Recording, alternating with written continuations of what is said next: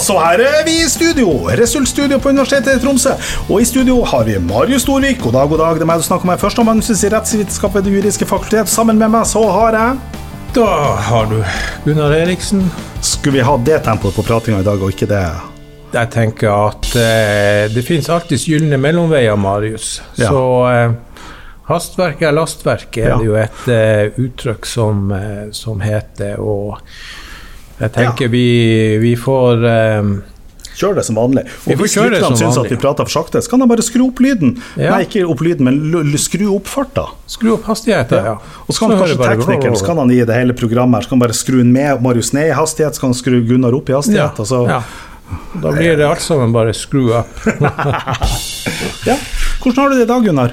Jo, jeg har det jo eh, alminnelig fint. Eh, man kan jo liksom ikke forbeholdsløst si at I love life and I wake, woke up with a ørevoks in my munnviks to, today.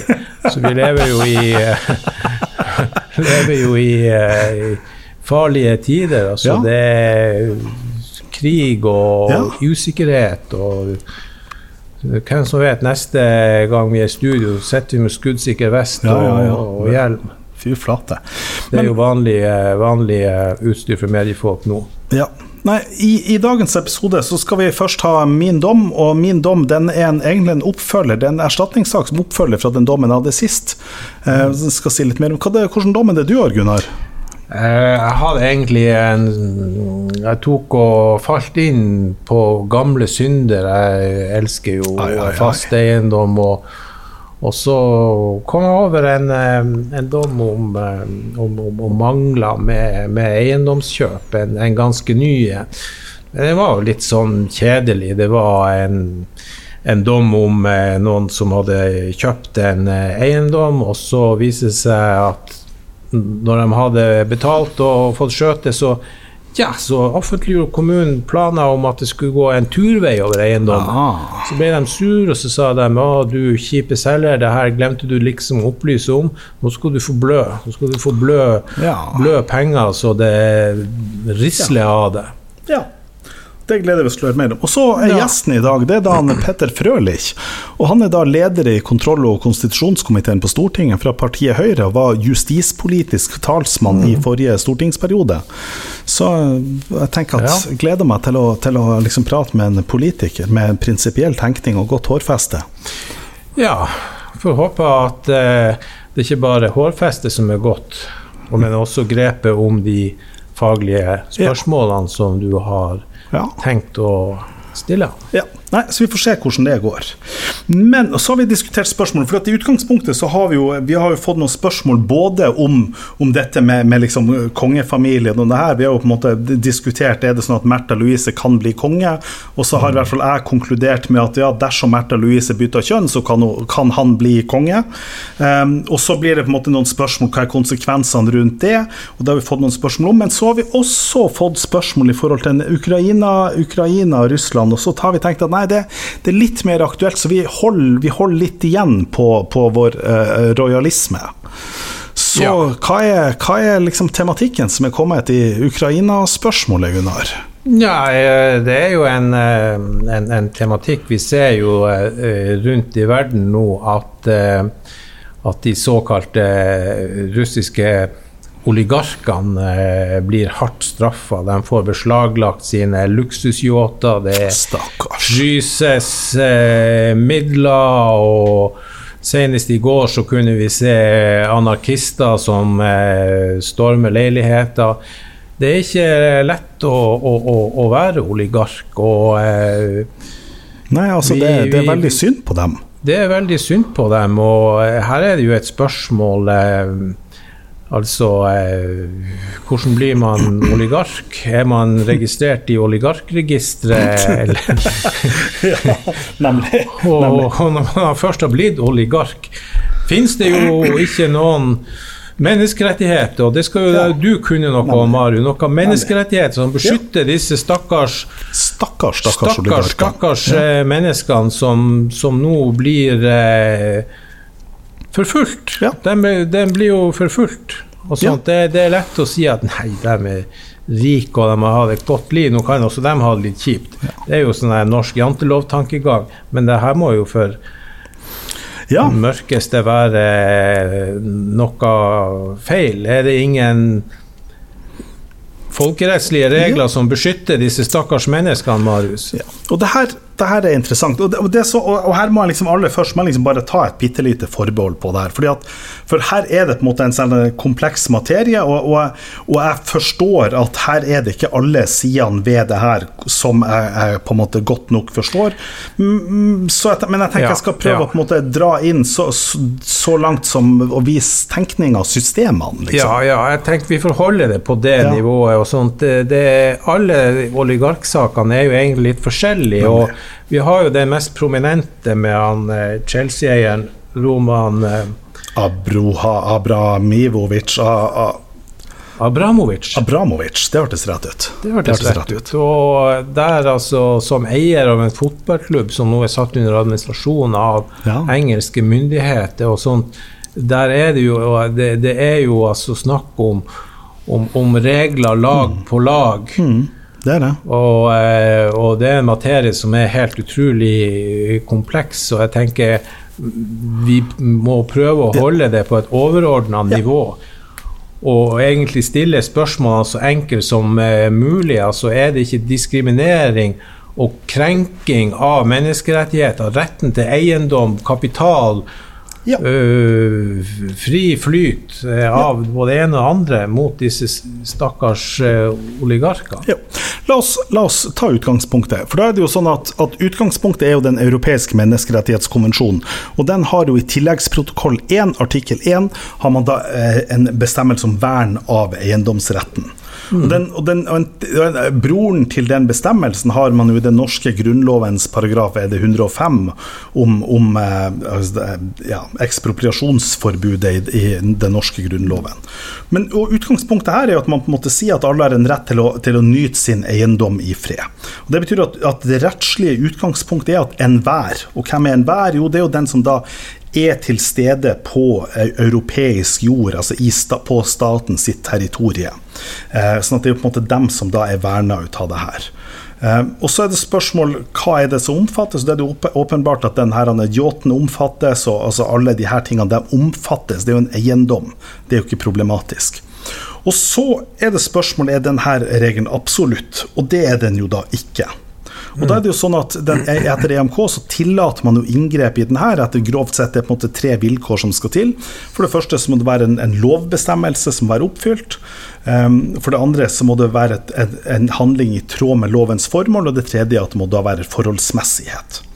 Og så vil det være sånn at ok, her er dette lovkravet, når på en måte EU har tatt disse beslutningene om at disse menneskene sine midler skal fryses, når på en måte altså disse beslutningene er tatt, så tenker jeg at da må vi legge til grunn at lovkravet er oppfylt. For at lovkravet etter EMK det er jo på en måte ikke et, et tilsvar til det norske kravet til en formell lov at Stortinget må ha vedtatt, men så jeg vil anta at disse oppfyller dette lovkravet. Og så er det sånn at Hva er formålet med disse, disse beslutningene om å fryse disse midlene til oligarkene? Jo, formålet med det er jo å ramme enkeltpersoner som har fått sine midler fra Russland, og på en måte for å, for å ramme den russiske krigføringa. Og så er det klart, så er det spørsmålet er denne personen tett nok tilknytta. Da kan man jo tenke seg at hvis noen sier at nei, jeg er ikke tilknytta, og sånn her, og da vil man kunne si at formålet kanskje ikke treffer. Eh, Ja, Må ikke du innfortolke et årsakskrav inn i, inn, inn i det her? eh, Jeg tenker kanskje der det svikter litt. Ja. At man rett og slett skjærer alle over én kam og tenker at ja, de er russiske oligarker som sitter på store verdier, og de, eh, de, eh, de, de vil ha et ønske om å ta og så eh, bidra økonomisk til Putins krigføring. Ja, men, men, men i forhold til det her med å skjære alle over en kam, så tenker jeg at da har man på en måte truffet Altså man har kommet seg unna den fordi at man på en måte har laget over liste over pers personer. At man sier at det er den personen og den personen og den personen og den personen eh, som på en måte treffer på denne lista. Og så kan du jo selvfølgelig begynne å spørre ja, ok, men det å lage til en sånn lovgivning som da treffer enkeltpersoner, det begynner å bli problematisk. Men så, som vi hører, så er det jo sånn at her, her er vi på en måte begynner å bli et komplisert landskap. Og det er klart at disse russiske oligarkene som da sitter på milliarder, det er helt åpenbart, i hvert fall for meg, at, at en del av de beslutningene som her vil bli gjort, at de vil bli tatt ut søksmål, og dette vil vi få en rettslig prøving på. Dette mm. vil nå komme for Menneskerettsdomstolen, vil jeg tro. Ja. Altså, det vil overraske ja. meg hvis det ikke gjør det om, i løpet av noen år. Det, det tenker jeg også. og uh, Det hørte jo ble dratt et, et, et resonnement som jeg syntes uh, var, hørtes litt for enkelt ut, som jeg har lyst til å prøve på der. Og det er at uh, ja, det er helt innafor å beslaglegge formuene til disse oligarkene sjøl om det måtte være i strid med EMK. Fordi Russland som stat har brutt folkeretten med å invadere Ukraina og er kanskje i gang med å gjøre folkemord der, eh, eh, for, for alt vi vet, hvis de jobber på videre. Og og da er liksom eh, det at ja, Russland har begått folkerettsbrudd. Og da kan vestlige stater begå folkerettsbrudd mot russiske borgere. Er det så enkelt? Nei, så enkelt er det jo ikke.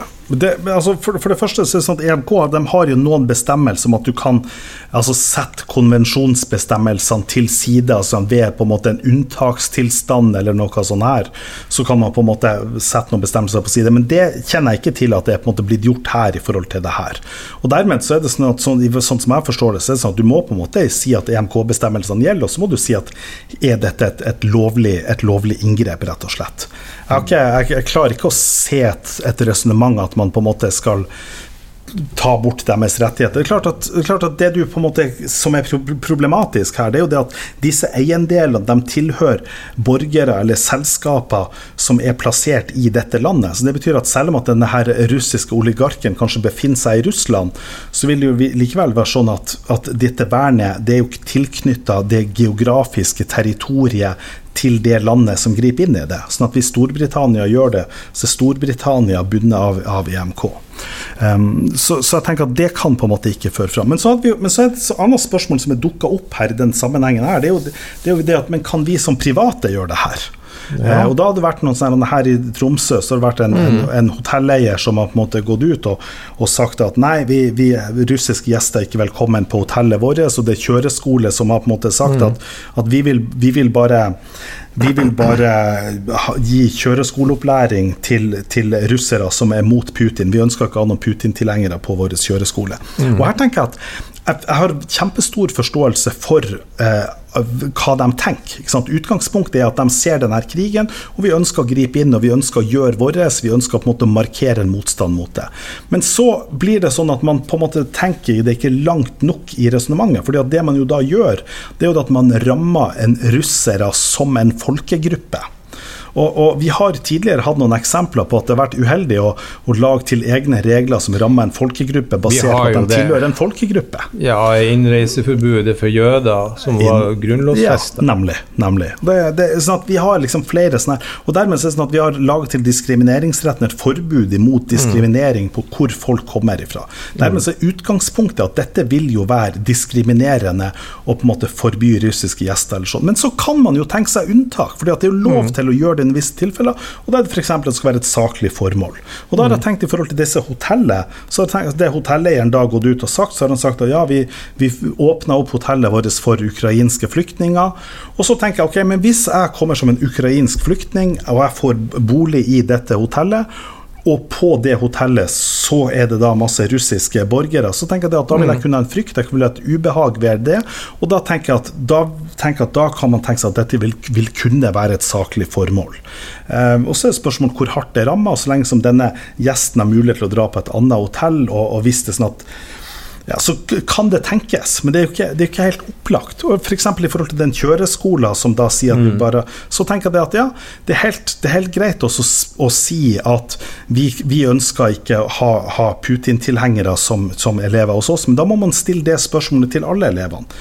Hvis du mm. bare stiller det spørsmålet til de russiske elevene, så har du jo singla ut en etnisk gruppe og gitt dem særskilt behandling gjennom at alle disse russiske elevene dem får dette spørsmålet, mens alle andre slipper unna. Og da er du på en måte på etnisk diskriminering ut ifra hvem du stiller spørsmålet til. Ja, det, ja men um, hvis du kjører det samme um, problemstillinga at kjøreskolen ikke vil um, um, lære opp eh, skeive. Ja, og da, og, da, ja, og da, er vi jo på, på et, et, eh, For det første så er det sånn at skeive har jo et vern i kraft av å eh, Fordi at det å være skeiv, det er jo tilknyttet ens identitet eller medfødte egenskaper. Mm. Og det er jo på samme måte som det å være en, en russer. Mm. Mens det å være en tilhenger av Putin, mm. det er jo ikke en, noe med identitet eller en medfødt egenskap, det er et valg som, som man tar eh, i politisk, politisk standpunkt. standpunkt. Mm. Og, jeg tenker at, og, og, og, dermed så har man på en måte et skille mellom der, og, og det å på en måte gi en forskjellsbehandling basert ja. på et politisk standpunkt, at vi ønsker bare å tilby tjenester mm. til det som er tilknyttet ens valg. Det er ikke nødvendigvis ja, verna her. Så kjøreskolen kan f.eks. da si at eh, Uh, her tilbyr vi ikke kjøreopplæring til EU-motstandere, f.eks. Uh, uh, du, må, uh, du må tilkjennegi ditt standpunkt for og mot EU. Og er du mot EU, så ser vi helst at du finner en annen kjøreskole eller noe sånt. Ja, vet hva, altså I utgangspunktet så tenker jeg mm. faktisk det. Jeg mhm. klarer ikke helt å se det store. For det er jo Problemet her det er at du ber om en politisk uttalelse fra noen, mm. men samtidig så er du på en måte du er en, du er en privat aktør i et marked, og du er en ja. privat aktør i et marked med mange andre. Ja, ja. Har, jeg, har jeg feil i resonnementet mitt? Nei, jeg, det, det, det, jeg, tror ikke det, men, men altså, jeg tror liksom det er sånn omstendighetene ja. altså, her. Altså, det, det er et sånn, sånn, sånn stort eh, hva skal jeg si, engasjement, et sånt stort ja flow, altså. Det er en sånn eh, massebevegelse som eh, tar kanskje også, også, også sløver litt ned den kritiske ja, sansen og sånt. Det er sant. Ja, den kjøreskolen begynte også styrt med at uh, at nei, EU-motstandere får ikke lov å kjøre, kjøre, med oss og sånn.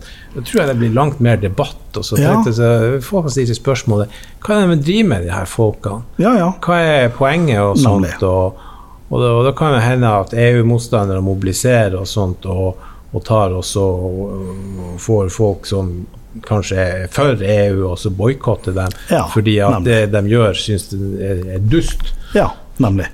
Ja, og, så, og, og, jeg tenker at, jeg tenker at det, det, er vanskelig å på en måte tenke seg at du skal klare å drive en kommersiell virksomhet med suksess basert mm. på en diskriminering basert på politiske ja. standpunkt. Mm. For jeg tenker at Det ene er dem som da sier at ja, jeg er EU-tilhenger, eller hva man nå måtte si for å få kjøreskole, men, det, mm. men så er det også mange som tenker at ja, men jeg jeg ønsker ikke å flagge min holdning til ja. EU overfor deg ja. som kjøreskolelærer. Mm. Eh, Men så er det jo også en del tjenester her som på en måte kommer inn i mellomrom. For Hvis du tenker deg ei, ei drosje, så er det sånn at ja, drosje Det er ikke sikkert at de kan gjøre det samme. fordi ja. at de har på en måte en, en, pliktkjøring, eller de hadde i hvert fall det fram til det ble gjort noen endringer. Altså, Busselskapet kan mm. neppe gjøre det, men mm. jeg tenkte noen som kan gjøre det. Så det er komplisert. Det, det, er det, og, og, og um, vi skal vel avslutte kanskje det her snart. Men jeg, lurer på én ting også. Og, og, det er jo altså Som, som russer i Norge eller i, i, et annet land, altså i denne situasjonen altså du, du har det kanskje ikke så, så bra med det som er. og og altså, tenker jeg, altså Når du oppholder deg som, som russer, f.eks. som utvekslingsstudent eller elev mm. eller et eller annet altså Du har ingenting med denne krigen, Putin og galskapen hans å gjøre. og sånt. Eh, har du ikke noen altså, beskyttelse av, av rent internrettslige eh, regler om, om at, eh, at, du skal ikke bli mobba og føle utenforskap, som jo vi er så mm. opptatt av ellers. Jo, og der har du jo, har du jo liksom det, det er jo det her den diskrimineringsretten og mm. trakasseringsretten altså, Eller trakasseringsretten, faktisk. Nå fant jeg akkurat opp et nytt rettsområde. Jeg mener mm. diskrimineringsvernet. Det er jo her det kommer inn. Og det mm. gir jo russere et vern. Mm. Men, så, men, så, i alle andre spørsmål så jeg tenker jeg liksom at utgangspunktet her det er jo det at, det er jo det at i en verden der du kan være alle ting, så må du være, være snill. Mm. Snill og, og grei og ja, tolerant. Ja, og oppfør deg. Og så må man tenke etter. Altså, man må mm. ha en tenkning. Man må tenke på en sånn måte at man oppfører seg ordentlig overfor andre mennesker. Og så betyr det at ja, det å oppføre seg ordentlig, det kan være å markere et standpunkt at jeg er uenig i de tingene som du står for. Mm. Men, men, det standpunktet kan ikke være at jeg er uenig i hvor du kommer ifra, eller hvordan du ser ut, eller mm. din Jeg tenker at da, da begynner det å bli problematisk. Absolutt. absolutt. Skal vi gå til dommene våre? La oss gjøre det, Marius. Ja. Forrige gang så tok jeg opp en, en dom fra Menneskerettsdomstolen. og Da var det vel Menneskerettsdomstolen mot Aserbajdsjan, hvor det var en medisinsk feilbehandling. Var det Aserbajdsjan, eller husker jeg? jeg tror det var, eller var det Armenia, eller var det Noe på A. Det var noe på A, ja. Men i hvert fall, og da viste jeg det at denne dommen den på en måte viser at, det, at det norsk rett på dette området er, er problematisk, og, og, hvor jeg på en måte argumenterer for at, for at dette rettstilstanden her stemmer ikke overens med norsk rett. Og så er det som da skjer ei uke etter at vi spiller inn denne episoden, så kommer altså Høyesterett med, med en kjennelse av 17.2.2022, um, der de på en måte plutselig bare rydda opp i hele det her landskapet som jeg kritiserte i forrige episode. Og plutselig så må jeg jo faktisk eh, gi rom for det her. Så hva er det vi er på? Vi er på denne Tolga-saken. Du har da noen mennesker mm. som da fikk en diagnose med en utviklingshemming, som da eh, var en uriktig satt diagnose, og så blir det på en måte en del konsekvenser ut av der, og en opprydding, og hvor VG kommer inn og, og, og gjør en, en, kjempegod journalistikk og, og gjør en forskjell i disse menneskene sitt liv. Og så blir det da tatt ut et søksmål mot eh, det er vel Tolga kommune mm. eh, med, med krav om erstatning for det her. Og, og, og, da er jo krav om erstatning. Hva er grunnlaget for det her erstatningskravet? Jo, det er jo da EMK artikkel 13. Um, og så er da det Tolga kommune da sier, det er det at, det er det at vi er ikke pliktsubjekt for EMK artikkel 13. Det er jo staten som er pliktsubjekt for EMK artikkel 13. Så dette søksmålet mot oss, det kan dere ikke rette mot oss, og så krever de dette avvist. Fordi at det er staten som er riktig saksøkt. Um, og, og, det er jo det denne saken da kommer opp for. Og det, og det Høyesterett da gjør i denne saken, det at man lager til etter min oppfatning så endrer man på, på rettstilstanden. Man lager til ny rett i disse erstatningssøksmålene når de er etter EMK. Mm. Men Høyesterett tar et lite forbehold. For de sier spørsmålet om EMK artikkel 13 gir hjemmel for å kreve erstatning for ikke-økonomisk tap etter norsk rett, avgjøres ikke som et ledd i denne saken. Så man, tar på en måte, man sier at det her er på en måte en sånn prosessavgjørelse. Det materielle spørsmålet om artikkel 13 som hjemmel, det tar man ikke stilling til. Men, men basert på avgjørelsen så kan det neppe være tvilsomt at de eh, likevel mener det. Finnes det ingen eh, praksis eh, på, altså fra EMD på lignende tilfeller? Jo da, jo da, i EMD så finnes det masse praksis på det. Men det som, det, men det som er, jo er problemet her, det er jo det at de herrene karene de har da opplevd en krenkelse. Altså at de har mm. opplevd seg krenka. Og så er det sånn at denne Tolga kommune, det er ingen personer i Tolga kommune som har krenka dem med forsett eller med en grov uaktsomhet. Og dermed så er det sånn at etter den norske eh, erstatningsretten så kan de da ikke få oppreisningserstatning. Fordi at skyldkravet ikke er oppfylt. Men de er, de er likevel blitt krenka etter EMK, eh, eller presumptivt blitt krenka etter EMK. Og så er det spørsmål, og etter EMK så vil de da ha krav på en, på en eh, reparasjonserstatning, og ikke en oppreisningserstatning. Og så er det spørsmål hvem er det som er pliktig for den reparasjonserstatninga. Hva er forskjellen på reparasjonserstatning og oppreisningserstatning, sier Jan Tanguna. Jo, det er jo mm. to ord for akkurat det samme, men Oppreisningserstatning er det norske begrepet etter skadeserstatningsloven. Reparasjonserstatning er EMK-begrepet. Kult. Ja. Så hva er det de da gjør her? Jo, det man da sier, er at, er at um, ja, altså man, Først så spør man på en måte på søksmålstilknytning, og så viser man til den tidligere avgjørelsen i Vangen eiendom. Og så viser man også til den saken som heter Vestre Viken. I Vangen eiendom så er det på en måte, blir det tatt ut et søksmål mot en kommune med krav om erstatning etter EMK artikkel 41. Eh, og også etter artikkel, artikkel 13. Og da man, avviser man avviser Høyesterett det, og så sier man det at ja, grunnen til at man avviser det, er fordi at um, ja, Hva er liksom det argumentet her? Jo, han sier at, at det gjaldt fastsettelsessøksmål, altså med andre ord krav, krav for slat Med andre ord et krav om å fastsatt domslutning om at det hadde skjedd en menneskerettskrenkelse. Og så sier han at men det er en forskjell, fordi at det som skjedde i denne saken, var et fast krav om at det hadde skjedd en menneskerettskrenkelse. Men spørsmålet i denne Tolga-saken som Høyesterett behandla her, så er det et krav om erstatning. Og så blir det sånn, ja, hva er egentlig forskjellen på det? Og så sier de at jo, men for erstatning så må du først ta stilling om det har skjedd en menneskerettskrenkelse, og så må du ta stilling til erstatninga. Og det er forskjellig fra å bare ta stilling fra menneskerettskrenkelsen. Og den som klarer å henge med på det resonnementet fra Høyesterett, da skal du liksom være god. Absolutt. Det er et intrikat tolkningsspørsmål. Men tolknings...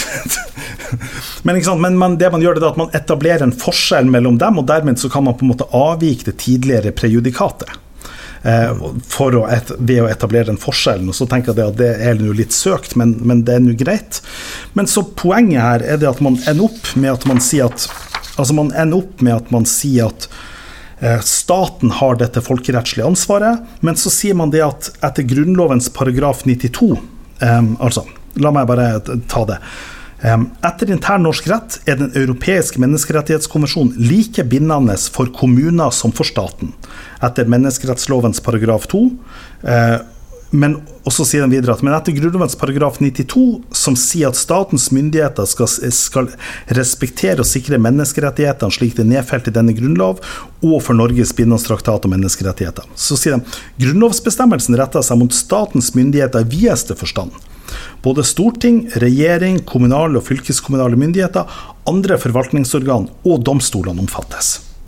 Det betyr at det man nå gjør, det er det at man sier at, at hvis man har en krav på erstatning etter menneskerettighetene, mm, mm. så sier Grunnlovens paragraf 92 at statens myndigheter skal sikre og respektere dette.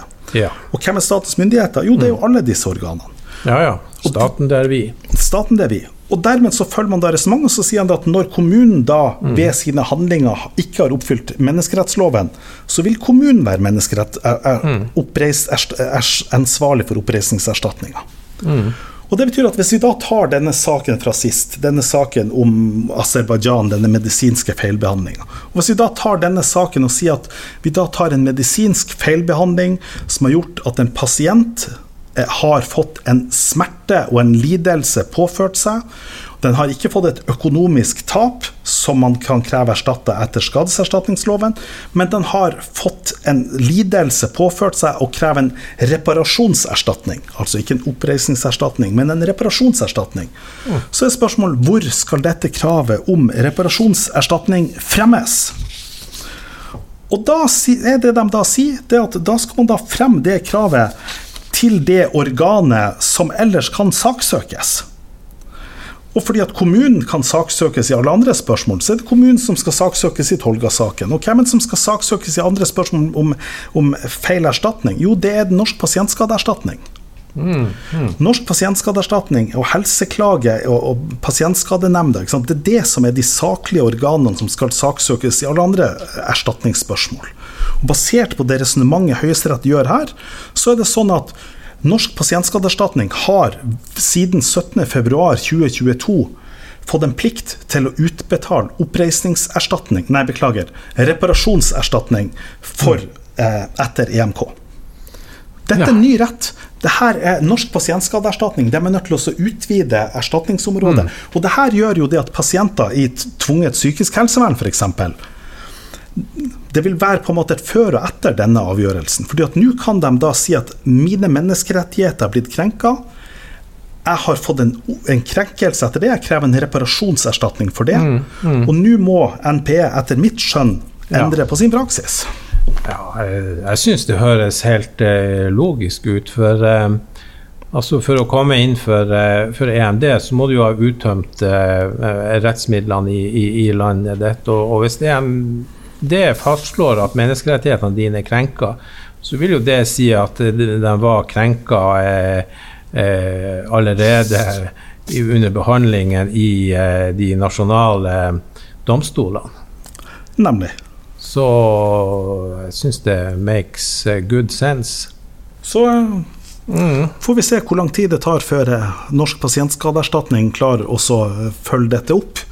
Eh, Ja. Men eh, jeg har, eh, jeg har fått et hint om at de har bedt om en juridisk utredning om, om spørsmålet. Og det er ikke jeg som, har, som, er, som er på banen her. Så jeg, men jeg- Sikkert et eh, rådyrt advokatfirma. Nei, det, det, er nok en, det er nok en professor emeritus som, Ah, som kan noe om helserett og medisin. mm, nettopp, nettopp. Ja, som, som skal ha fått det her oppdraget. Og så er jeg jo litt sånn spent på, på, på hvordan denne utredninga da blir seende ut. Så jeg har, eh, jeg har kontakta Helseklage og bedt om å få eh, Ja. tilsendt den her med hjemmel av offentlighetsloven når den er klar. Så får vi se etter om jeg er, om jeg er enig, eller om den må eh, opplyses noe mer. Men Stilig. dette er juss. Ja, det er, spennende jus. Og da skal vi over til din sak, Gunnar. Ja, vi eh, skal over til min sak, og eh, det er jo fint med litt eh, kontraster fra eh, skikkelig eh, finjuss eh, i grenselandet mellom menneskerettighetene og norsk eh, intern juss til kanskje litt mer norsk eh, down to earth-jus. eh, Norsk-norsk jus. norsk-norsk jus. Og det handler om mangler med eiendomsoverdragelser, mangler med eiendom som blir solgt, og eh, ikke minst da mest konkret da brudd på opplysningsplikter. Og eh, innledningsvis så snakka vi jo om en sak eh, om eh, disse her eh, som kjøpte en eiendom som det viste seg at etter hvert at kommunen hadde planlagt å legge anlegge en turvei over. Det må være litt irriterende. Det må være litt irriterende. Det er ikke det som er saken min, men eh, det var liksom bare en inngang til dette Ja. med opplysningsplikter. For at denne saken var ganske kjedelig. Høyesterett kom faktisk til Høyesterett og tenkte det her kunne de jo ha spart seg. Og eh, ja, altså det Høyesterett har bare trøtt oss og sier at det var kjøperne sjøl som måtte bære risikoen for et eh, mulig vedtak om eh, turvei. Fordi eh, denne planprosessen var kommet så kort når kjøpet ble gjort, at det var ingenting å eh, ta og bebreide selgerne for at de ikke hadde visst noe mer om det her Ja. hva kommunen hadde i, i gjerdet. Så det var, det var så kjedelig, så jeg tenkte at altså, opplysningssvikt, fast eiendom og sånt, og jeg bare bladde i det. Jeg har egen skattkiste der. Er vi på spøkelse? Vi er på spøkelse. Er vi på spøkelse, Gunnar? Vi er på spøkelse. Åh Det her har jeg gleda meg til, Gunnar. Mm. Jeg har gleda meg til det. Kom igjen, kjør Ja. på. kjør på Det er ti år siden, og dessverre så kom jo da saken ikke lenger enn til Nord-Gudbrandsdalen tingrett. Er vi på Tolga? Nei, vi er Vågå, eller hvor vi er da? Eh, vi, vi, er i eh, det området. La oss eh, jeg lurer på Tolga, kanskje Østerdalen? jeg tenker meg om at, er, er der, der oppe, ganske langt oppe. Ja. Ja da. Er vi to nordlendinger som ikke er ekspert på eh, innlandsgeografi, men la oss gå videre. La oss gå videre. Saken eh, gjaldt da at eh, det var en kar som hadde inngått eh, gitt et bud på et hus, men nekta etterpå å betale kjøpesummen nekta å overta huset.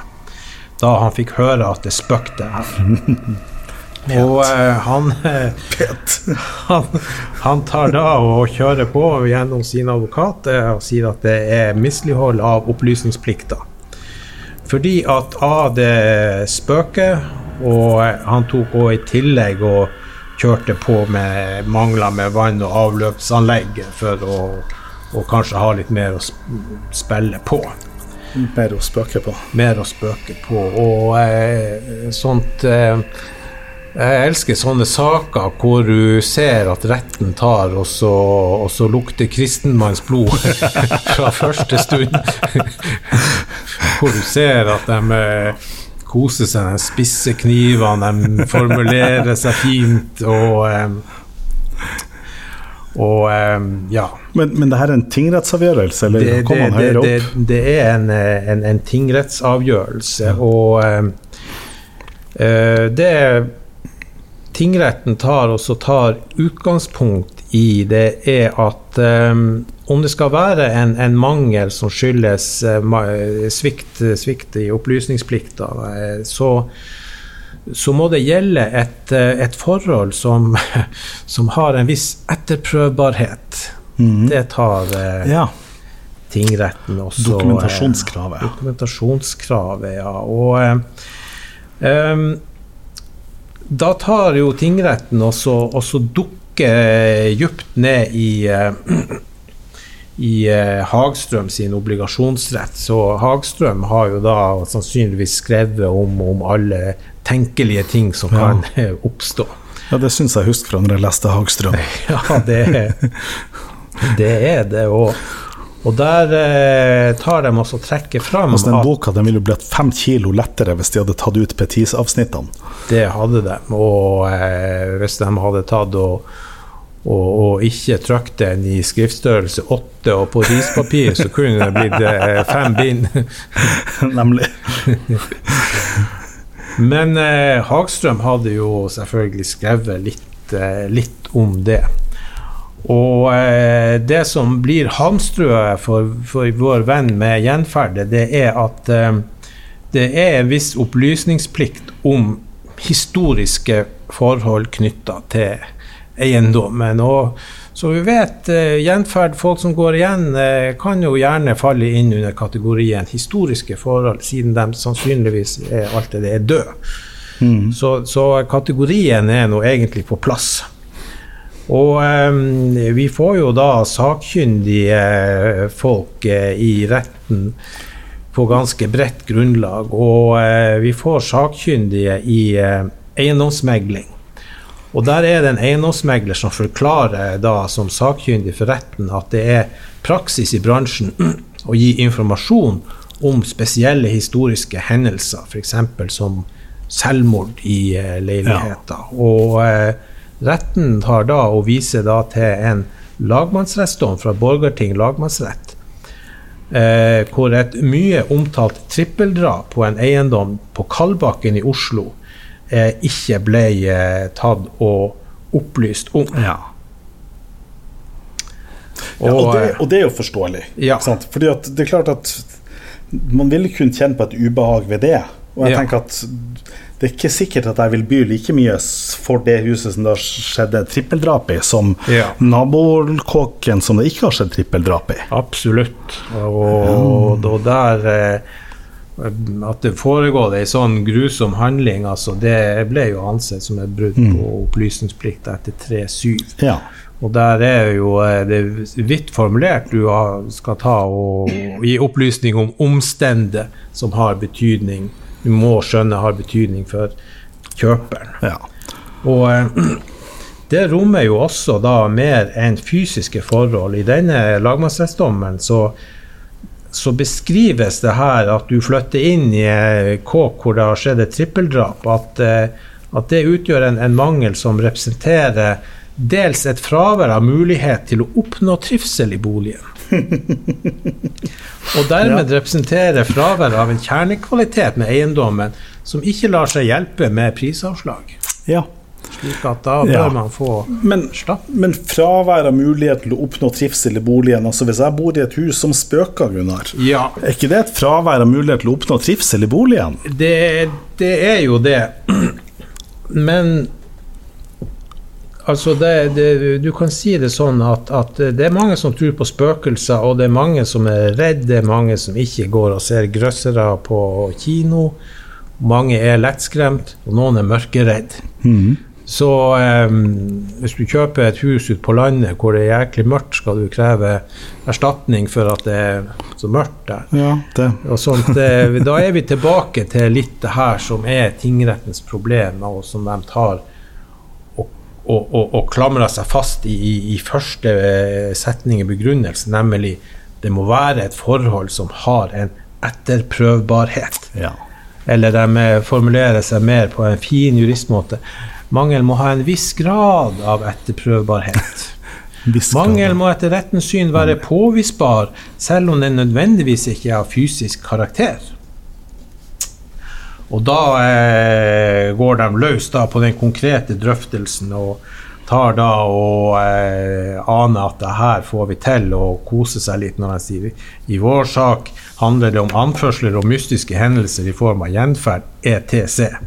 Det vil si at det skal spøke på eiendommen. Og eh, eh da sentralt så står eh, eh, forklaringer fra tidligere leieboere og, eh, fra, på eiendommen. Og den ene, da, som er nevnt med navn og identifisert, han leide i to år, forklarte at han syntes huset var et godt og behagelig sted å bo. Han har ikke hatt mystiske opplevelser på mm. eiendommen. Men så kommer den andre leietakeren, A, som også bodde der i to mm. år. Og hun opplevde litt av hvert. Stakkars A. Og A forklarte at hun til stadighet hørte bildører som slo igjen uten at det faktisk kom noe. Hun hørte trekkspillmusikk og lystig lag fra kjelleren i huset, men visste helt sikkert at det ikke var noen der. Og så var det en spesiell episode. Tidlig en morgen var hun alene i huset og lå og sov, men våkna plutselig av at hun ble pressa ned i sengen, selv om det ikke var noen andre til stede. Uh. Og hva skjedde så? Nei. Hun sovna igjen og våkna av at det lukta kaffe i rommet, og skimta da en kvinneskikkelse som serverte kaffe inn på soverommet. Ja. Mm. Det, det her høres unektelig spesielt ut. Det gjør det. Og hun forklarte også om andre personer, bl.a. samboeren, som skal ha mystiske opplevelser i huset. Men med unntak av opplevelsen av å bli pressa ned i senga, har hun ikke opplevd hendelsene som skremmende. Hun syntes ja. det var hunky-dory, det her. At det var fest i kjelleren og kaffekoking mm. på loftet. Ja. Hmm. Men Selgeren. Ja. Hva med selgeren? Denne A skulle ha meddelt altså selgeren at det opplevde uroligheter på eiendommen.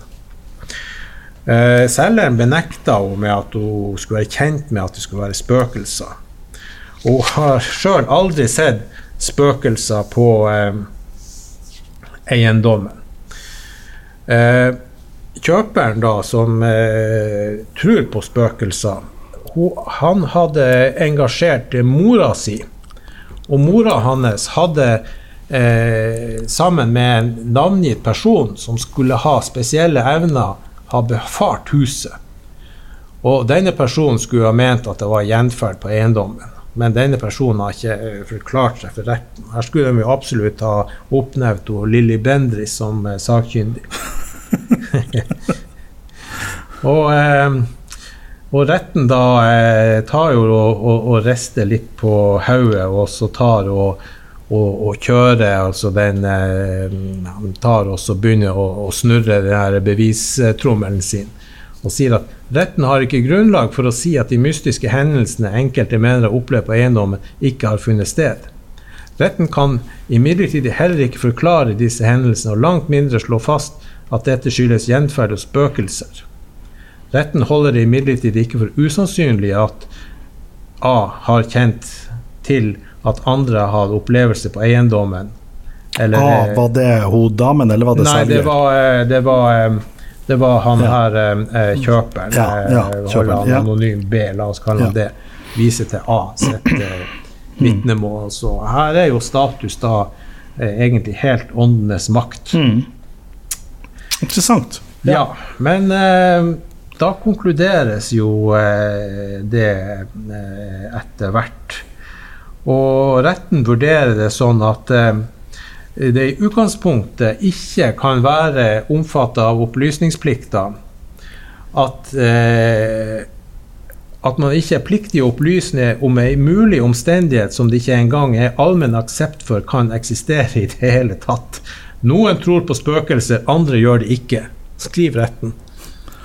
Ja. Og da har de altså sluppet spøkelset ja. ut, ut, av, av eh, sekken. Av, eh, sekken. Og etter de har sluppet spøkelset ut av sekken, så detter retten tilbake til sitt. De, eh, de, har jo vært ute av sjela si, men nå forenes de med sin juridiske kropp og kommer i vater, og så sier de til slutt Av hensyn til omsetningslivet bør det etter rettens syn være slik at en mangel ved fast eiendom bør ha en viss etterprøvbarhet.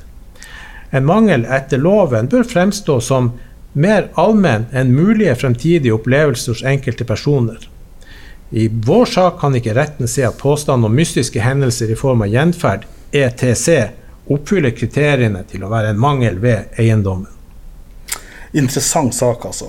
Interessant sak. Den, eh, det er en sak som tar og viser at eh, det er mer med eiendomssalg enn Ja. Ja. Men altså, jeg tenker jo, for det, for det første så tenker jeg jo det at hadde jo jeg vært hadde jo jeg vært selger sin advokat her, så ville jo jeg henta inn han, han Tom Strømsnes, som jo var Mm. eh, programleder i Åndenes makt over 17 år, Mm. eh, og fått han til å komme inn her. For det er klart at i løpet av de 17 årene Tom Strømsnes var leder for Åndenes makt, Mm. så drar han jo hele tida til disse husene der disse utrolige tingene har skjedd, Mm. og han får alle disse vitnemålene. Men på tross av at de da er der døgn på døgn på døgn i 17 år på alle de verste uro-spøkelseshusene i, i hele Norge, så har de ikke en eneste gang klart å dokumentere en, en sånn her overnaturlig hendelse. Sånn at Ja, vet ikke, jeg tror kanskje jeg har sett litt mer på Åndenes makt enn Nei, eh, der. Det har jo vært litt sånn eh, dørknirk og ting som har eh, ja. ned. Og, Som de har fått med på kamera og sånn også. og en gang så var det en sånn her eh, En sånn her barneleke som eh, starta av seg sjøl, som var å lage bråk. Og digga, digga, digga, digga, digga. Det var en båt og noe Mm. Ja, sånt. ja, ja. Så, så noe har de jo Noe har de klart å få med på disse noe har de klart å, å, å få med og sånt. Og det er klart et sånt program er jo veldig utsatt for at eh, det dukker opp eh, påstander om at det her er rigga og alt. Det er bare tøv. Men eh, hva vi sier, hvis de har jo da kunnet kjørt retten på åstedsbefaring. Det sto det ingenting om i eh, dommen om han hadde vært på åstedsbefaring og kanskje kjent litt Nuco kaffe og party i kjelleren og vært altså, du- slå. Nå ødela du liksom mitt forsøk på et morsomt, morsomt poeng, for mitt morsomme Mm. poeng var det at siden de liksom i løpet av 17 år ikke har klart å Ja. dokumentere en eneste ting, Mm. så kunne de jo ha sendt dem inn der og sett hva de har dokumentert, og da ville jo selger vært garantert at de ikke kunne klare å dokumentere noe som helst. Mm. Og da ville man jo være i huken. Men du ødela jo, punkterte jo hele det poenget som jeg hadde Ja, sittet og tenkt ut her. synd det, men uh, mitt opprinnelige forslag var jo at man skulle hyre Lilly Bendriss som Ja. sakkyndig og tror hun har satt øynene i dommerfullmektigen og blitt småurven og måtte sitte seg ned for for at det var så mye trøkk og press i kåken. Ja, ja, ja. Men, men det likevel, likevel så er det en ting som slår meg med denne dommen. Fordi at, fordi at sant, En av de tingene som er liksom påfallende med det, med det bevisbildet i denne saken, ikke sant, det er det at du har på en måte et veldig spredt bevisbilde. Du har en som har hatt disse opplevelsene, og så er det andre som ikke har hatt disse, disse opplevelsene. Og så har den som har hatt disse opplevelsene, har opplyst om det. Og så tenker jeg det at ja, når noen har hatt en eller annen overnaturlig opplevelse og forteller meg om det, og jeg så skal selge huset mitt, er jeg da pliktig å fortelle om denne opplevelsen som noen har hørt. Så tenker jeg at ja, her tenker jeg at I denne konkrete saken, basert på bevisbildet, tenker jeg at det høres ut som en helt riktig vurdering. Men, så, men så tenker jeg likevel, basert på liksom, argumentasjonen, hvis du følger resonnementet her men hvis, du, men hvis du har en bolig der, du, der bevisbildet er annerledes Hvis du har en bolig der du sier at alle som har eid, bodd i boligen i mer enn en måned, f.eks., har hatt denne typen opplevelse, og du på en måte klarer å sannsynliggjøre det sånn sett, så blir det spørsmålet okay, men hva er egentlig problemet her? For da kan man på en måte si hva er mangelen? Er mangelen ideen, eller er mangelen det fysiske? For det er klart, dersom, dersom det er en idé som er nedfelt i befolkninga om at denne boligen er, spøker det ved, så tenker jeg det at, at uten å ta stilling til om det faktisk spøker, dersom det er bevis for at dette er en bredt anerkjent idé, Du kan ikke den ideen være en mangel? Du er inne på noe der, men eh, eh, dommen som vi gikk igjennom, har jo tatt også egentlig trukket en grense der. Og eh, bruker jo juridisk metode til da også si at her går det en grense mellom det fysiske og det metafysiske. Og hva vi sier, slike ideer og, og felles opplevelser som ikke da eh, er fysisk, eller som objektivt kan oppleves av alle og enhver. Det er der problemet eh, Ja. går. Ja, ja. Jeg bare, bare, bare liksom tenker at det, det, er viktig at vi, det er viktig at vi også har en idé for at Ja. En tanke om disse ideene. Jeg mener penger, f.eks. Altså lønna mi den lønna mi kommer jo inn på en bankkonto, jeg dalker jo med den med en kort. Jeg har jo en idé om at pengene ser ut som kronestykker, hundrelapper og, Ja. og tusenlapper på en god måned. Men, men det, vi vet jo at disse pengene eksisterer jo ikke. Altså Det finnes jo ikke norsk, norsk kontanter i Norge for det som, de tallene som står i bankene. Og Dermed så er det jo liksom den ideen om penger er jo sentralt for våre samfunn. Og Dermed så er min tanke at ideen må jo være det sentrale. Og så blir det spørsmål hvor drar du den grensa. Tenker at ja, er penger er den fysisk, er den metafysisk? Hvor, hvor, hvor, hvor drar man det? Men uh, nå tror jeg kanskje vi, ja. vi, vi går grensa.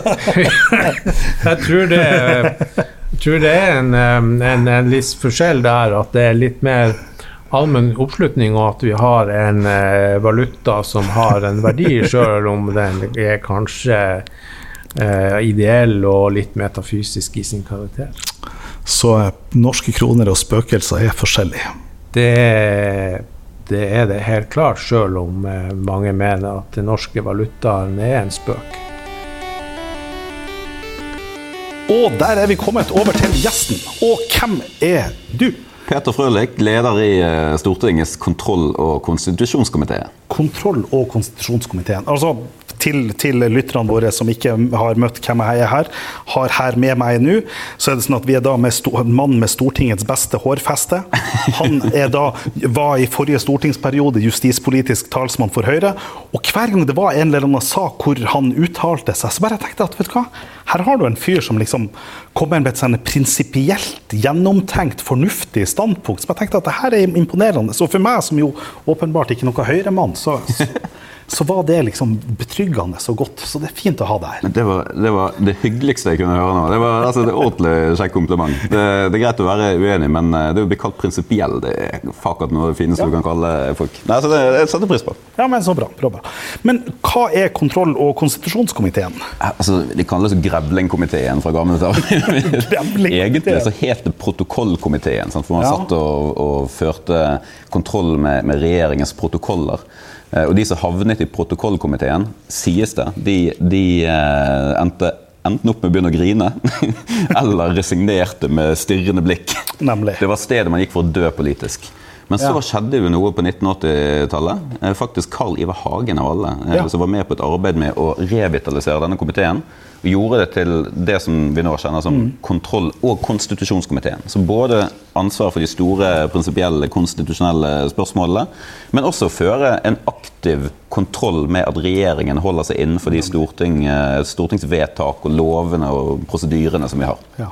ja, Og det må jo være ganske, jo være ganske krevende Det er, det er krevende og sykt interessant, Ja. i alle fall i perioder. Altså Ta sånn som når regjeringen bare hopper i det med to bein, eller hva skal si, løper over et minefelt og utnevner tidligere statsminister Jens Stoltenberg som sentralbanksjef. Altså, Der har du en kjempe, kjempedag på jobben fra morgen til kveld i kontroll- og konstitusjonskomiteen. Nemlig. Ja, og det, ja, men det, tenker, åh, jeg, kjenner jeg, jeg kjenner at jeg ikke klarer å ta den saken på eh, en fornuftig måte. Men jeg har en, jeg har en annen, jeg har en annen sånn i forhold til komiteen. fordi Jeg er jo akkurat ferdig med undervisninga i statsrett.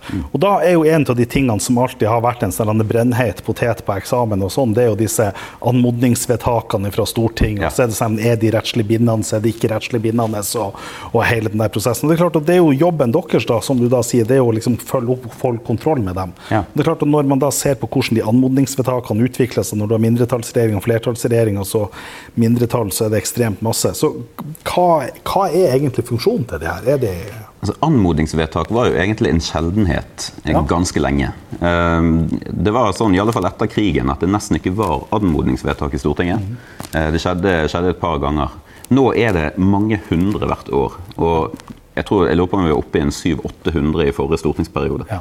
Eh, Så Stortinget forsøker jo på den måten å dirigere og kontrollere Nei, og, og liksom styre regjeringen. De kaster seg egentlig over rattet, basically. Ja. De prøver å ha en hånd på rattet. Og, og sånn blir det jo spesielt når det er mindretallsregjering.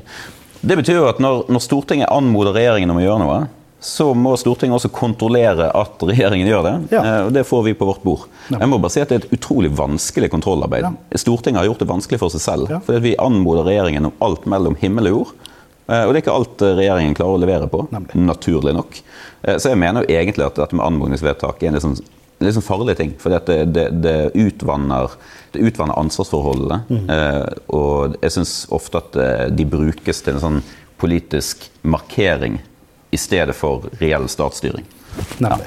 Men, men jeg tenker på, jeg tenker på den, den der Hareide-saken nå, i forhold til for da, altså, Knut Arild Hareide var, var minister, og så fatta Stortinget noe vedtak om, om noe førerkort i forhold til 75-åringer, og så gjorde de det først i en runde, og så gjentok de det i neste runde og sier at nå må dere gjøre det. Og så kommer, går tida, og så går han eh, Hareide av som minister, og så kommer saken til, til Stortinget. Og da tenker jeg det at da har jo Stortinget mista kontrollen på det her. Nå var det jo et, det et førerkortvedtak. Det er jo en bagatell. Ja, altså det, var Men det et, hadde vært noe viktig. det var et anmodningsvedtak om at eh, regjeringen skulle fjerne en forskrift, eller endre en forskrift. Ja. Og det gjorde ikke regjeringen. Ja. Og Hareide gikk til og med ut. Det var jo litt eh, ja, eh, Pardon my French, men det er litt dust.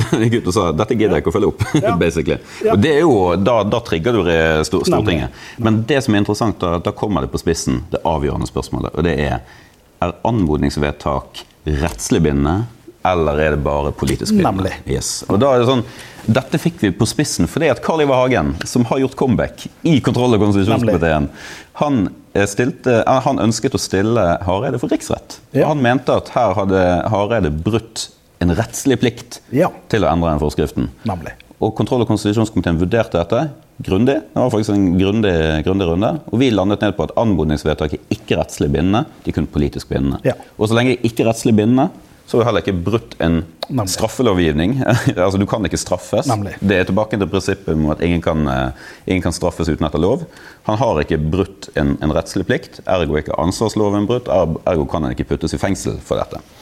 Eh, Så vi fikk en uh, prinsipiell runde på det. Men eh, ja, den korte, korte oppsummeringen er anmodningsvedtak er, det er bare politikk. Det er, ikke, det er ikke rettslig bindende. Men i Harberg-utvalget på det her, så, så sier de jo det at, at de sier at dette er det store utgangspunktet, de sier det er regelen. Men så har de et forbehold. Og det forbeholdet det er jo der anmodningsvedtakene er på et område på Stortinget sitt kontroll. Sånn at Hvis det på en måte er et område som Stortinget etter Grunnloven har en styringsrett over, som skal det statens eiendommer og, og eh, budsjettvedtakene og Jeg vet ikke om budsjettvedtakene går inn i kategorien anmodningsvedtak, gjør de det? Nei, jeg tror nok det, Ja, kanskje. altså Noen, noen budsjettvedtak er jo, det er jo så tindrende klart ned til Ja. kroner og øre at eh, hvis du direkte bryter det, så beveger du deg inn Ja. på nytt terreng. Men eh, det har jo aldri kommet på spissen. Nei, det det, som, eh, det, som tror, det som jeg tror og spår kan skje, det er at Stortinget begynner å formulere sine vedtak annerledes i fremtiden. Ja. For nå er det litt sånn høflig. sånn Stortinget anmoder regjeringen om. Det er jo litt høflig. Litt sånn, Ja, ja. eh, Litt sånn eh, nesten en anakronisme. Akkurat sånn. som, eh, akkurat som Stortinget beklager. Ja, ja. Jeg prøver å forklare til studentene at Stortinget beklager. Det betyr ikke at Stortinget er lei seg. Nei, det, det skal jeg love deg. Men Og til, til nye lyttere, det betyr et mistillitsvedtak. et det Mistillitsforslag. gjør det i aller høyeste grad. Men eh, det, som, det som jeg tror kan skje, som sagt, det er at man kanskje begynner også å spisse noen av disse vedtakene. Og så si at Stortinget instruerer regjeringen om, eller Stortinget Ja. pålegger regjeringen om. Og begir man seg ut på det, da, da er vi inne i, da er vi godt inne i ukjente terreng. Altså. For da vet jeg ikke hvordan eh, Da kan det være at man begynner å snakke om en, en rettslig plikt ja, til å følge. Ja. Men da ville jeg gått av som statsminister. for eh, jeg ville ikke akseptert å bli instruert av Stortinget på den måten. Så dette kan bli interessant. Nei, for, det, for det jeg syns er på en måte litt sånn den interessante i følgen ut av det, det er jo akkurat Hvis man på en måte tar dette Hareide-eksempelet, så er det jo det at, fordi at et av de argumentene mot at det skal være rettslig bindende, det har jo vært at, at man har uansett mistillits... Altså muligheten til å, til å avsette regjeringa eller ministeren gjennom Grunnlovens paragraf 15 om mistillitsforslag. Så, men hva med de tilfellene der du får dette som Hareide? Her, går, her gir Stortinget to vedtak, instruerer, går hele veien ut, og så går ministeren av. Kan ikke røre meg. Så tenker jeg det at kan Stortinget, kan Stortinget liksom akseptere det? Kan man liksom tenke at ja, ja, men ok, men dette er en avtråpende minister, så da får han gjøre sånn som han vil? Ja, det er noe med at reality hits you hard. altså, de politiske realitetene ja. er at han var, han var ute uansett. Ja. Og da er jo Stortinget, Stortingets kontroll ganske begrenset. Vi fikk dette på spissen også i, i, en annen sak. Jo, det var vel vi, vi diskuterte litt rundt, rundt Hadia Tajik og, og, hennes rolle i denne Stoltenberg-saken og sånn.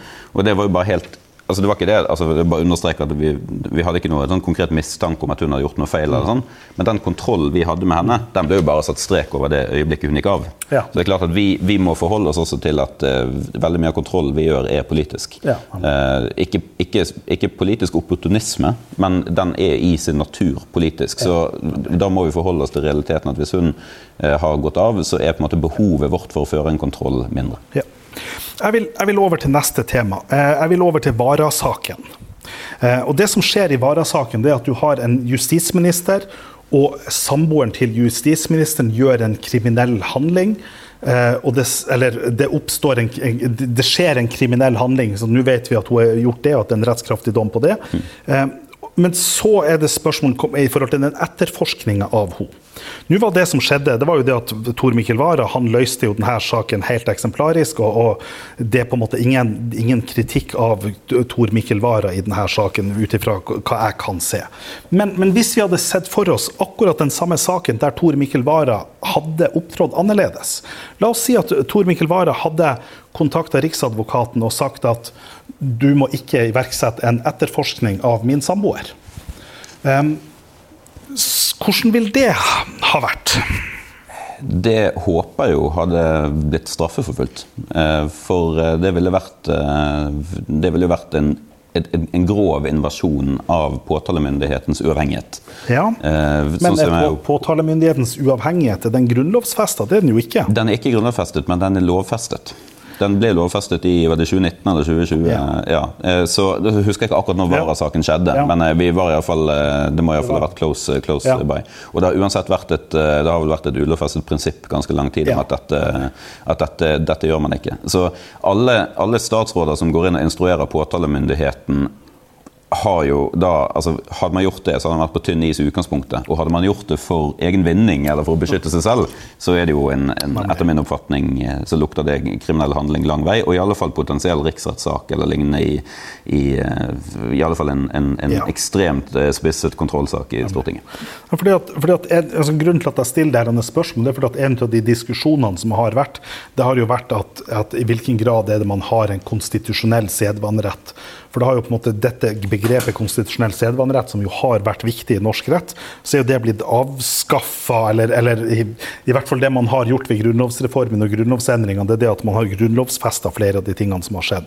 Og så er det spørsmål hva er det som gjenstår. Og så er det noen som da argumenterer og sier at nei, men det er ikke noe, det er ikke noe konstitusjonell sedvanerett igjen. Og så har jeg tenkt ja, men er ikke dette et eksempel på en konstitusjonell sedvanerett? Det er en sedvanerett som fram til nylig ikke har vært lovfesta, og den er i hvert fall ikke grunnlovfesta som regulerer forholdet mellom storting og regjering og for de øverste, øverste organene? Altså, jeg har nok vært eh, en del av den konservative tradisjonen som mener at det skal så vanvittig mye til å konstatere at det foreligger en, eh, en, en konstitusjonell sedvanerett, at eh, jeg kan nesten ikke, jeg kan ikke tenke meg noen Jeg kommer iallfall ikke på noen mm. brennaktuelle Eh, regler som, som, eh, nå kan kalles det. Fordi at vi har f.eks. grunnlovfestet mm. parlamentarismen og, og disse andre som, som, man visste var konstitusjonell sedvane. Så eh, skal man argumentere for at det foreligger en konstitusjonell sedvane, så mener man må ha veldig sterk medvind og gode argumenter. Og jeg er vel da på den siden som mener at man kanskje ikke Det skal så jækla mye til. Ja. Ja. Da, da, skal vi gå over på vår heite potet. Vi skal over til Märtha Louise. Ja. Vi, vi, har jo her til, til, til nye lyttere og så er det sånn at her under middagsbordet her i, januar, så satt vi rundt og så ble det på en måte diskutert kan Märtha Louise bli dronning. Og så ble det sånn ja, men det er noe med å bytte kjønn. Og så plutselig så ble det interessant spørsmålet kan Märtha Louise bli konge.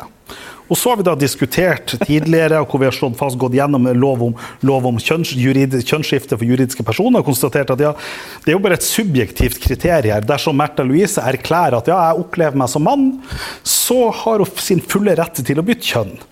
Og så er det jo sånn at Grunnloven paragraf 6 den sier jo det at den, altså den, den mann som er da født av, av eh, ja, førstefødte mann, jeg husker ikke formuleringen i Grunnlovens paragraf 6, men, men det er i hvert fall det knytter seg det da til liksom bare mann. Men det er litt sånn, den sier ikke noe om biologisk kjønn eller juridisk kjønn eller noe sånt.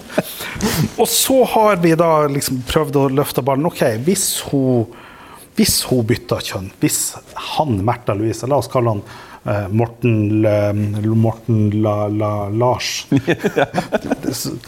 Lars Morten. Lars Morten. Så er spørsmålet kan Lars Morten, tidligere Märtha Louise, bli vår neste konge? Altså, det er det sprøeste, absolutt sprø, sprøeste casen jeg har hørt. Men den, den er jo utrolig vittig som en, eh, som en eh, slags tankeøvelse. Det første man måtte se på, var jo skjæringstidspunktet. Eh, Fordi at eh, hun Eller han, ja. Det blir da ja, altså, La oss si at eh, ja, Man måtte jo da se på fødselstidspunktet ja. og hvilke regler som gjelder da. Uh, og hvis babyen ikke kommer ut med en gang og identifiserer seg som en mann, så tipper jeg man må ta utgangspunkt i det som da fremstår som det biologiske kjønnet. Og da er det Grunnloven som avgjør arverekkefølgen da. Og så er spørsmålet om det kan gis liksom sånn tilbakevirkende ja. kraft. Ja. Men det vet, Nå er jeg så langt inn ja, i indianerlandet at det er helt godt med vil. For, for mitt resonnement er at sant, du får jo den der loven om, om juri, skifte av juridisk kjønn i 2016, og den sier noe om at, om at denne loven får virkning på alle andre lover. Og da mener man jo helt klart i den loven at det er jo ikke bare de lovene som blir vedtatt etter 2016. Det ligger jo et premiss her om at enhver lov som er vedtatt før 2016, at den får betydning for det. Så jeg tenker ut ifra det vedtaket så vil det jo være klart. Men så er det jo det jeg har tenkt et argument her, det er jo i forhold til lex superior-argumentet. Her kan du kan du liksom på den her gi en vanlig lov tilbakevirkende kraft på en grunnlovsbestemmelse? Og det der er i hvert fall etter min oppfatning mitt viktigste motargumentet. Men eh, ja, nei, dette, dette, får vi tenke, tenke, litt på. Jeg begynte plutselig å lure på om eh, han uh, Durek kunne få en kongelig tittel ja. også oppi dette. Men det får vi jo ja, ja. Ifølge mitt resonnement så vil jo han da bli prinsegemal. Ja, eller det kan være han vil kalle seg noe annet. Ja, det kan jo det. For det er jo frihet til disse titlene også. Så de kan kalle, han er vel øgle og litt sånn forskjellig. Ja. Jeg, ja. Men altså, han har, jo, han har, jo, hatt en tradisjon, for han er jo sjaman. Altså, han er jo sjaman, og så er jo yrket hans å være sjaman. Og Da tenker jeg jo det at det ville være naturlig hvis han ivaretar den tradisjonen, at han, at han fortsetter å beholde fornavnet etter yrket sitt. Så vil det være sånn prins Gemal, prins Gemal uh, Durek, eller Prins Gemal sjaman Durek. Ja. ja. ja, at det rett og slett er navnet hans. Det. Dette, altså for en, eh, for en, quiz. Men her, har vi jo, uh, her er det jo fullt åpent for lytterne til å komme med sine forslag. Ja. Jeg skal iallfall spørre rundt de, de, konstitusjonsprofessorene som er rådfører med meg. Kanskje de har noen løsning. Ja. Da eh, sier vi takk til, eh, takk til deg, Peter. Det var hyggelig å ha deg på besøk. Det var kjempegøy. Veldig, veldig kjekt.